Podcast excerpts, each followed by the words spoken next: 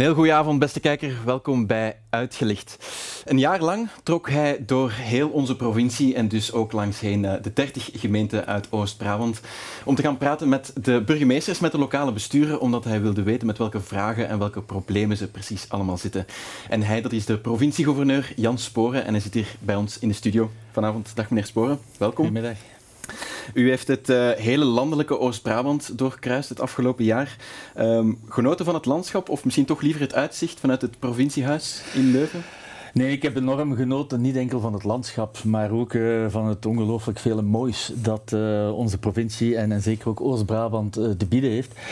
Dat gekoppeld aan een enorme hartelijkheid en gastvrijheid die ik heb mogen ervaren bij alle lokale besturen waar ik ben geweest. Dus ik heb mijn doelstelling bereikt om heel veel bij te leren over wat hun uitdagingen zijn. Ja. ik denk ook dat ik hen heb kunnen uitleggen wat mijn taken als gouverneur zijn en op welke manier dat, dat voor hen als lokaal bestuur belangrijk kan zijn. Ja. Maar daarnaast was het ook enorm boeiend en leuk. Ja, want u gaf vorige week een speech voor de provincieraad. Dat waren een beetje uw analyses na die tour door uh, Oost-Brabant. Uh, mag ik zeggen, als ik dat zo lees, dat de samenvatting eigenlijk is dat u vindt dat de lokale besturen ja, zwaar in de problemen zitten, dat ze het allemaal niet meer aankunnen? Goh, dat zeg niet dat het negatief is. Ik denk dat mijn voornaamste conclusie is dat ik meer dan ooit gesterkt ben in mijn overtuiging die ik trouwens al had, dat de lokale bestuur dat die echt de hoeksteen vormen van ons bestuurlijk landschap.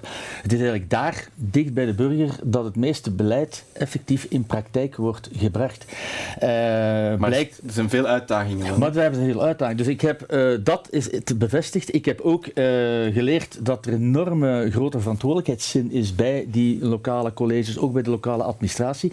Maar, en daar hebt u gelijk in, ik heb ook gezegd dat die lokale besturen met enorme grote uitdagingen worden geconfronteerd, die zich aan het cumuleren zijn.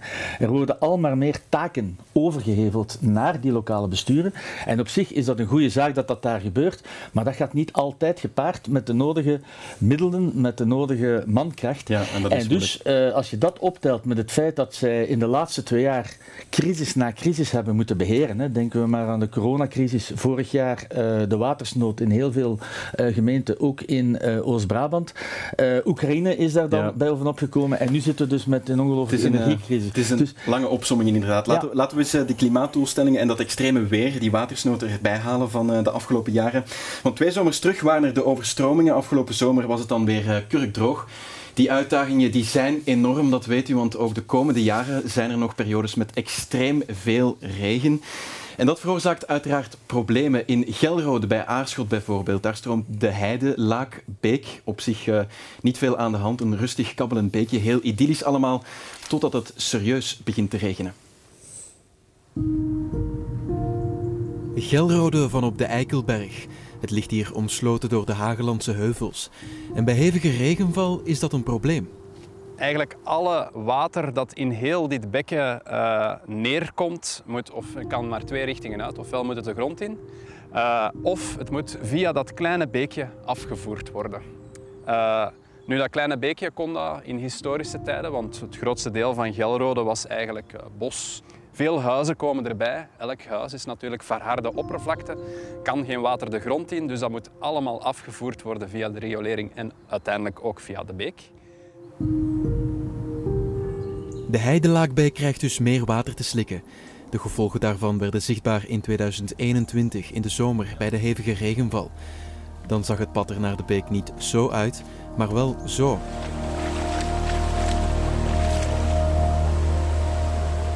Ook al het water dat op het ondoordringbare asfalt van de E314 valt, die hier op de heuvelrug langs Schelrode ligt, stroomt de vallei in en wordt opgevangen door de beek. Als daar 100 uh, mm opvalt, wat zo'n waterbom is, dan is dat ongeveer 20 Olympische zwembaden dat er onmiddellijk moeten afgevoerd worden, want die kunnen niet in de grond uh, indringen. En dat kan de beek niet aan? Dat kan de beek gewoon niet aan. En dus brak de dijk aan de beek hier in 2021. Het paaltje en de brug spoelden toen weg en staan hier nu onaangeroerd aan de kant. Het gaf overstromingen in Gelrode en ook in het natuurgebied net naast de beek. Het is een van de meest waardevolle gebieden van West-Europa met een unieke biodiversiteit. Maar de overstromingen brachten onherstelbare schade toe. Er moet meer onthard worden, zegt Keulemans. Parkings en opritten moeten waterdoorlaatbare ondergronden krijgen bijvoorbeeld. Zomaar waterbuffers, kleine overstromingsgebieden naast een rivier aanleggen, is niet altijd een oplossing. Het is symptoombestrijding en vaak is de capaciteit van de waterbuffers niet voldoende. Dat is dan vaak berekend op de veronderstelling dat 100 mm neerslag zowat het ergste zal zijn. Maar binnen dit en twee decennia zullen we met die 100 mm neerslag wellicht nog eens lachen. Dus, zegt Keulemans, geef de rivier gewoon structureel meer ruimte. Dus die beek moet veel breder, bijvoorbeeld ook meanders uh, in, inleggen. Dat trouwens perfect hier zou kunnen, want de beek is van de provincie. Het bizarre hier dan wel is, is dat het stuk hiernaast van de Vlaamse overheid is. En vaak, als er meerdere instanties in, in, in, in Vlaanderen of in België aan de tafel moeten zitten, dan durft het nogal eens een keer lang te duren voordat er een schip in de grond gaat. Ja, mooi stukje Hagelandse natuur in ieder geval. In uw speech vorig jaar had u het over die watersnood. U zei ja, we moeten versneld inzetten op die waterwerken. Alle neuzen van de overheden stonden in dezelfde richting volgens u, maar bij de Heidelaakbeek is er toch nog niet heel veel veranderd dan. Nee, ik denk dat uh, de bioloog meneer Keulemans uh, gelijk heeft, zowel in zijn uh, schetsen van het probleem. Dat is dat wij aan de ene kant door de klimatologische veranderingen steeds meer waterproblemen kennen. Zowel droogte, maar ook, zoals hij heeft aangegeven, overstromingen en hevige neerslag. aan de andere kant heeft dat water geen plaats, want we zijn al maar meer aan het verharden. En dus mhm. die, die dubbele evolutie gaat ons naar de toekomst toe, zoals hij stelt, voor steeds grotere problemen zetten. En komt hier dan een oplossing op korte termijn? Ja, dus hier heb ik begrepen, in dit concrete geval van deze beek, dat er een nieuwe vraag bij de provincie is binnengekomen. En dus die is men nu aan het oppakken. Die vraag is pas, uh, denk een week of vier geleden terug binnengekomen. Ja. En dat dossier wordt nu terug opgepakt. Maar ik denk dat het belangrijk is, ook in die oplossingen moeten verschillende instanties samenwerken. En ook daar heeft de bioloog gelijk, dat daar vaak het schoentje wringt. Zowel in het waterbeheer, dat is een heel versnipperd landschap met allerlei verschillende instanties die bevoegd zijn om dat stukje water te beheren. Terwijl dat water natuurlijk geen grenzen kent. Hè. Dat is één algemene problematiek. En, want die watersnood die zorgde wel voor heel wat uh, problemen. We zien daar ook nog uh, enkele beelden van hier op het, uh, hier op het scherm in, in Landen, in, in Tiene, in Diest. Um, ik hoor meneer Keulemans zeggen, ja, die extreme regen die komt er meer en meer aan. Moeten ontharden, waterruimte geven. Waterbuffers, niet altijd de oplossing. Wat is volgens u de prioriteit? Wat moet er gebeuren? Ik denk dat sowieso uh, een samenspel is van vier zaken die we moeten doen. En ze moeten allemaal gebeuren. Hè. Uh, ten eerste moeten we dat water meer vasthouden. Hè. Dus uh, plaats voorzien voor dat water. dat gaat ook over erosiemaatregelen. Zeker in de streek die hier werd mhm, aangeduid, mm -hmm, ja. is dat van tel. dat gaat over meanderen, zoals is gezegd. De rivieren verbreden uh, niet meer overkappen enzovoort. Dus dat dat water plaats heeft en kan incijpelen, uh, dat is één. Twee, we moeten preventieve acties ondernemen van als dat water toch te veel wordt. En dan spreek ik over bufferbekkens, overstromingsgebieden die we moeten voorzien. En die trouwens werken, hè, want de overstroming vorig jaar, als we de werken die zijn uitgevoerd de laatste tien jaar zelfs, als we die niet gehad hadden, dan waren er heel wat uh, gemeenten en steden in Oost-Brabant helemaal onder ja. water gelopen. Ja. Dus we weten ook dat die oplossingen werken, maar ze nemen tijd. Ja. Dan punt 3 en 4. En punt 3 is uh, de noodplanning. Als het dan effectief overstroomt, hebben we ook een heel actieplan opgezet, een draaiboek ontwikkeld voor de gemeente, zodanig dat zij meer gericht kunnen ingrijpen, ook met zandzakjes, met schutten voor huizen enzovoort. En het vierde deel van de oplossing, dat is ruimtelijke ordening. Dat we moeten gaan herbekijken, waar willen we nog gaan bouwen? Uh, en dan komen we bij de kernversterking en vooral het bewaren van die open ruimte die we nog hebben. Ja, en als we dan een beetje ruimer trekken naar het klimaatprobleem, de provincie heeft ook de ambitie om tegen 2040 zo goed als klimaatneutraal te zijn. Ja. Hoe zit het eigenlijk met die CO2-reductie? Ik denk in 2020 uh, zat men ongeveer op de helft van wat men wou verminderen. Dus er is zeker nog werk aan de winkel. Ja, maar er zijn ook al heel wat resultaten. Ja. Die ambitie wordt momenteel niet gehaald, maar er zijn wel uh, toch heel wat resultaten geboekt. Hè. Dus ik kan het glas half leeg zien of half vol. Uh, de provincie is daar vooral, en dat is het belangrijkste, is daar vooral heel erg mee bezig. En ze doet dat op twee manieren. Aan de ene kant kijkt ze naar wat zij zelf kan doen, naar haar eigen patrimonium. en we zeggen bijvoorbeeld zonnepanelen op het provinciehuis.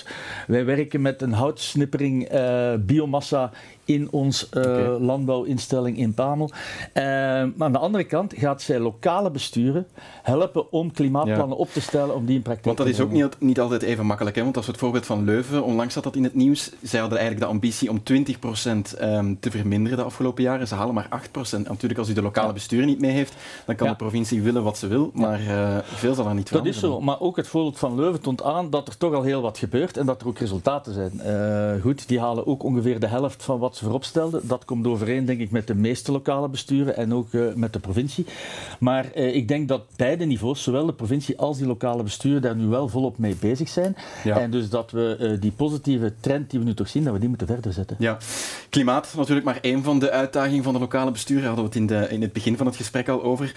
Um, natuurlijk een van de oplossingen is boven lokaal gaan samenwerken voor die, uh, voor die gemeente. Samen zeg maar, uh, bijvoorbeeld de afvalophaaldienst gaan regelen. Maar in uw speech, u bent daar ook bijzonder kritisch over, hè, over die intercommunales, uh, zo gezegd. Ze, ze, werken niet, er wordt niets beslist, contraproductief zelfs. Nou, ik heb het niet enkel over de intercommunales, maar wat mij is opgevallen in wat mij gezegd werd op die ronde van Vlaams-Brabant, is dat bovenlokale samenwerking werd gedurende vele jaren gezien als de oplossing om aan bestuurskracht te winnen zonder dat men zijn eigenheid en autonomie zou verliezen. En zonder dat men dus moest fuseren. Okay. Nu zijn de geesten toch zover en blijkt uit de realiteit dat die bovenlokale samenwerking zijn limieten heeft bereikt en soms zelfs contraproductief wordt.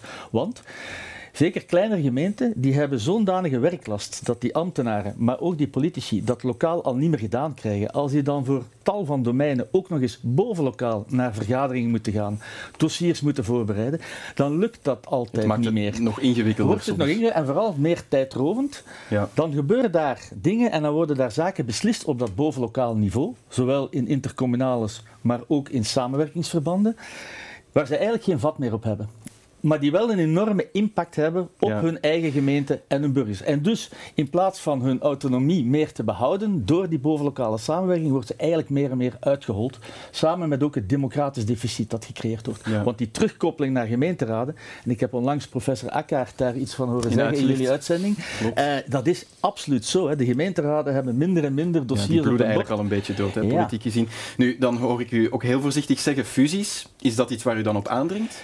Ik denk dat fusies zeker bijdragen tot een grotere bestuurskracht. En dus dat dat naar de toekomst toe voor een heel aantal kleine gemeenten een oplossing zal zijn. Ik heb ook gemerkt... En gaan er nog komen in, uh, deze, in deze legislatuur? Ik heb op mijn ronde van Vlaams-Brabant daar in alle lokale besturen het over gehad. Ik heb gemerkt dat de geesten op vijf jaar tijd ongelooflijk gerijpt zijn op dat vlak.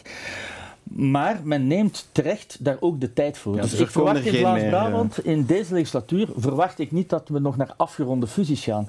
Maar er zijn heel veel gesprekken bezig. Er zijn ook heel veel studies die al gemaakt zijn of gaan het, die men aan het maken is om die bestuurskracht te meten. En eigenlijk is dat om een aantal zaken te objectiveren, zodanig dat men dat ook in politieke middels en ook naar de bevolking toe kan uitleggen. Want ik denk dat dat een heel belangrijke factor is om die bevolking mee te krijgen. En daarvoor moet je ze ook goed kunnen informeren. En moet je vooral kunnen aantonen dat zo'n fusie dat dat de bevolking ten goede komt, omdat die dienstverlening gaat verbeteren, omdat uh, de investeringen kunnen verhoogd worden en zo. Maar u zegt de geesten zijn gerijpt, maar ik vraag me af, is dat zo? Want een aantal weken geleden zat Rudy Beke, burgemeester van Tiltwingen hier. Hij staat wel alleen, hij vindt niemand om met hem in zee te gaan. Of dat ligt misschien aan Rudy Beke, ik weet het niet. Uh. Nee, nee, dat denk ik zeker niet. En ik denk dat zijn uitleg heel plausibel was en zijn argumenten waren absoluut uh, correct.